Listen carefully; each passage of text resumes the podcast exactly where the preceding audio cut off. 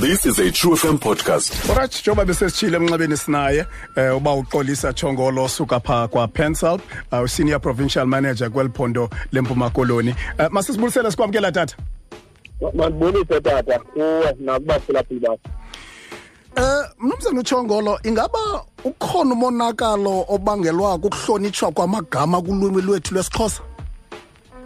um msasazi ndingatsho ndithi ukhona ngoba ke nangani ulwimi olu okokuqala kwayinkcubeko yalo ngoba ke ulwimi alukho ngaphandle kwenkcubeko. Ezi nto zihamba zombini ziyafuthelana. Inkcubeko le ke yesixhosa ayeyabantu abathanda ukuhlonipha um nentloni kodwa ke ngoku ingxaki esiyibonayo apha ngakulwimi kuleyo nkcubeko leyo kukuba usuke ubone uba kuthi nalapho ngekho sidingo sakuhlonitshwa kwanto khona ubone abantu behlonipha.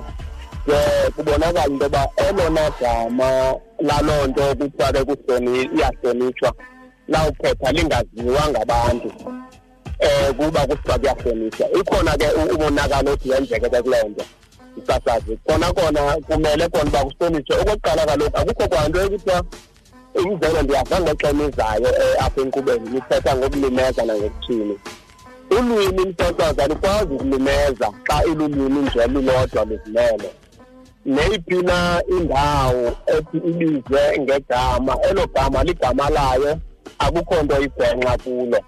Koko iba zizinto ezenza sithi bambi ezithi ziyijike laa ntsingiselo okanye laa moya laa gama. Sithethe ngoku ibe ngathi ligama elibi. Ukukwenzela ndimzekelo msasazi um ukuba sizawuthi mandele ndimzekelo oxhaphakileyo apha ekuhlaleni uba sizawuthi ukukhulelwa kwabantwana um mama masithi okanye sifuna abantwana bakhulelwe kodwa sisuke sigxile kakhulu apha ekukhulelweni kodwa siyeke into engunobangela uba abantwana bakhulelwe. Iphetha isilahla loo nto. Nalapha ekulimini ke kwenza into kwenzeka into eninzi ke apho ekuthiwa kukuhlonipha ke msasazi nalapho ngekho mfuneko khona kube kwingxaki kube kwingxaki apha magameni Ingaba mhlambi eh akhona mhlambi noba mabini mathathu amanye amagama oqondayo into yoba eh aye aphulukane nentsingiselo eh kweliphulo labanye abantu lo uzama ukuhlonipha. U- umzekelo nje msasazi eh kukho eli gama lithi ukufa um kude kwakho i- i- i- i- iqhalo okanye intetha yobuciko ethi umntu akafi akayondla. Uphethe idodi xa ulisebenzisa usithi ubani ufile ibe ngathi uthetha into esecaleni. Kuba kuye kwanda ikakhulu la magama angamanye afana nokubhubha nokusweleka um nokutshaba. Kodwa elona gama liyintloko ikukufa.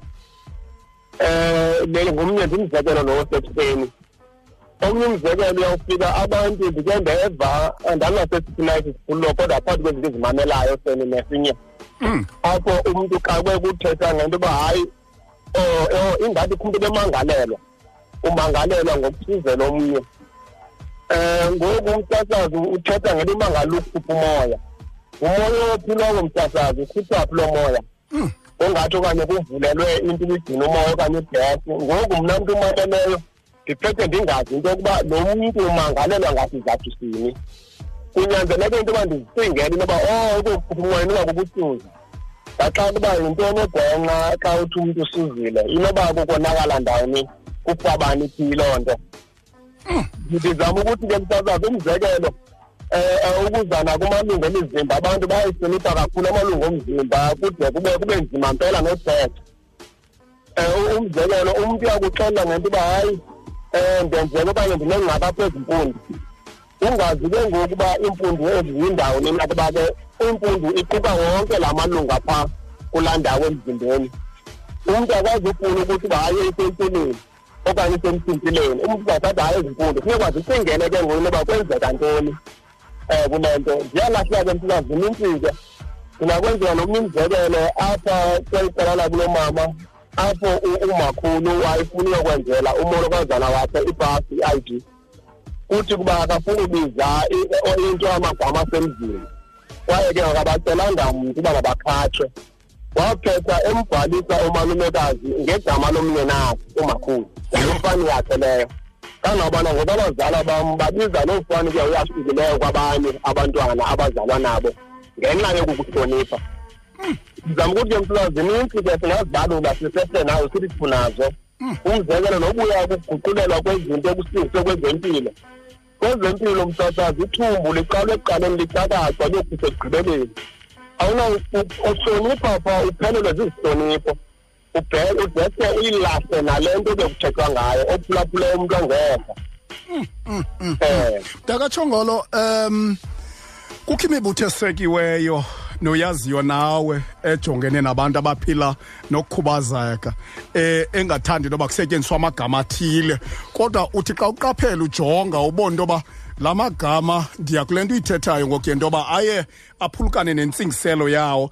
Um ingaba ninguphensa mhlawumbi akhona mhlawumbi amagama athile abe loo magama engengawa wesixhosa asetyenziswa yile mibutho kwaye nisebenzisana njani nale mibutho? Uzama ulungiselela ngoba kukho nalo mcimbi wamalungelo abo eziweyo mhlawumbi umntu uphila nokukhubazeka. Kukho um enye yezinto ezithanda uba nzima kakhulu ingakumbi ukuthi singabasasazi umcimbi we-albinism. Um ungayazi noba uzawuthi yintoni um ngoba kuthiwa igama elithi nkawu liyalumeza okanye njalo njalo. Mfama Mm, okanye mfama uyabona ke msasazi mna ndide ndayofika ku- ku- ku- kumazwe umzekelo uqala kwam uqelenga ngento eqelenga entona koloni. Izinto ezininji ke nobe ndingaziqhelanga ndizive khona ukuba kanti ziyingxaki kuhleliwe nje ukuthi oko apho bendikho mna kusolo emampondomiseni bezingeyongxaki kodwa ndafumanisa uba ziyingxaki ndakudibana nabanye abantu abasuka kwezinye iindawo. Ngoba umzekelo ngoku umsasazi uthetha ngento yokukhubazeka. Uba endingathi kuba ndingakhele elo gama ngokwesixhosa uba lithathelwe entweni nina angeke ulikhuphe. Ngoba ligama lesizulu um eli esixhoseni igama endinokwakhela kona lona elithetha kwa into enye neli lokukhubazeka lela lithi ubulima okanye isilima. Elo gama lihambe lagcwaliseka kanye kanye ngokufuthelwa sisizulu esi ngoba esizulwini. Isilima ngumntu ongqondo yakhe ingasebenzi ngokufanelekileyo okanye ngokwesiqhelo. Kuthiwe lo mntu lowo sisilima isiwe kungqondweni futhi isilima ngumntu onesiphako somzimba enoba senziwe kukwenzakala okanye senziwe okanye uda uzalwe naso kodwa ibe isisiphako esingenawusuka kuye kuthiwe lo mntu sisilima omnye umzekelo uthetha ucaphula into yoba kukho abantu aba- aba babizwa ngokuba bane-albinism. And ndathi ndafika kukho into kuthiwa kuthiwa zii-albino ndabe ndiqonda eyi ndiyaxakwa ndiyazi uba yintoni ke le nto ngoba isiko lentoni nina konakele igama elithi nkawu Um- lide ngumbala msasazi nkawu. Uyiyeke intimangwele yayisehlathini. Umbala ligama lombala akhona amagama emibala oluhlu okanye nesikhumba asele alahlekayo angasasetyenziswayo umzekelo ngoku uthethwa ngabantu abamnyama endaweni yokuthetha ngabantu abantsundu um abantu kuthethwe ngabantu abamhlophe endaweni yokuthethwa ngabantu abalungu. Yimibala le ulungu ulawu ugwanya um njalo njalo. Um yimibala efungise ulusini ethubeni leni kodwa ngoku loo mibala yalahleka. Isenzela ingxaki ke msakazi kakhulu kwemcimbi amalungelo ke ingakumbi ke kule mibutho uthetha ngayo kuba liye lonakala ilizwe ngenxa yezinto. Nto leyo ifunisa ke ngokuba sifuna ulungisa ezi zinto kufuneka siye kwaba bantu bala mibutho yokuqala sihlale nabo phantsi sibabonise le ngozi sikuyo ukuze sikwazi ke ngokukhangela izisombululo akho akho bugwenxa sikuwo wonke la magama kuthiwa gwenxa Alright. Eh okugqibela nje eh bawutshongolo phambi kuba sikhulula awokugqibela eh ungathini mhlambi ingakumbi eh kubazali eh xa kuziwa ekufundisweni kwabantwana ulumi lesixhosa. Eh, abazali msasazi make bazimisele ukuthetha isixhosa kunjalo nje esisilungekileyo xa besemakhaya nabantwana babo.